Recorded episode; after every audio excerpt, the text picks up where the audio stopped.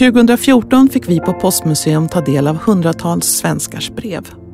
Det var inte vilka brev som helst. De var alla skrivna 1994 och låg förvarade hos oss i 20 år för att skickas tillbaka år 2014. De brev vi har valt ut är alla skrivna av ungdomar mellan 14 och 20 år. Jag heter Hedvig Bruseus och arbetar som utställningsproducent på Postmuseum. Mitt emot Grönan, vid Finlandsfärjorna, sitter Anna och skriver om Vattenfestivalen som är slut imorgon.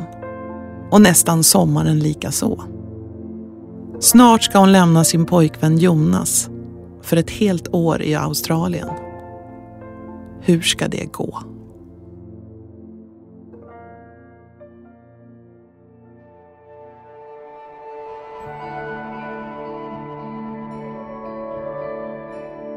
Mitt emot Grönan, vid Finlandsfärjorna, 94 08 13.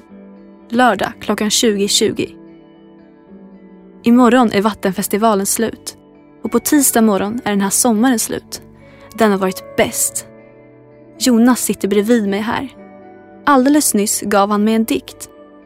Den ska jag ta med mig till Australien så jag kan ta fram den när jag längtar efter honom. Det kommer jag i och för sig redan göra imorgon. Klockan 22.30 är det fyrverkeri. Det är därför vi är här. Det är så fint när det är solnedgång.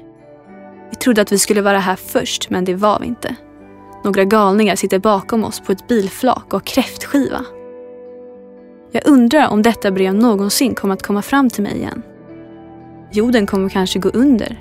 Eller rättare sagt, den kommer att göra det förr eller senare. Men innan dess ska jag hinna med allt. Man ska leva dag för dag, sekund för sekund. Då kan man tycka kanske att det inte gör så mycket om man inte gör allt. Huvudsaken är att man är lycklig. Och det är jag, så jag skiter i det där allt. Alldeles nyss åkte en båt förbi där de visade den ökade statsskulden på en datapanel. Vad bryr jag mig om den? Nu låter jag som en hippie från 60-talet. Love, peace and understanding. Make love, not war. Fast egentligen kanske man borde bry sig. Det är i alla fall min framtid. Jag vet inte vad jag ska tycka eller tro. Jag vet i alla fall att jag inte vill bli så gammal som jag är när jag får detta brev.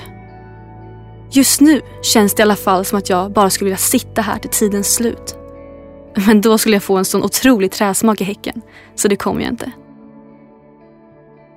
På tisdag åker jag till Australien. Där ska jag stanna ett år och gå i skolan. Jag ska bo i Melbourne. Jag ser verkligen fram emot det, men det kommer att vara svårt att lämna alla här hemma. Jag och Helena JH höll på att stoppa pendeltåget i förrgår kväll när vi skulle säga hejdå. Det känns nog konstigt för henne att börja skolan igen utan mig. Även om hon har alla andra. Nu sitter jag hemma i min säng på morgonen efter igår. Kvällen var underbar. Jag älskar honom. Jag älskar honom. Hur ska jag klara mig ett år? Det var svårt att säga hejdå igår, men det gick. När jag kom hem kom far hem från Ludvika. Han, jag och mor satt och pratade så jag somnade inte förrän halv tre. När jag vaknade i morse så var det första jag gjorde att läsa Jonas dikt. Den handlade om mig, sa han. Det ligger ett äpple på bordet. Jag tar upp äpplet. Det är lite smutsigt så jag tvättar det med mina rena tankar. Sedan putsar jag det med min vita själ tills det blänker som en marmorkula. Jag lägger ner äpplet. Nu rent och snyggt. Jonas dikt.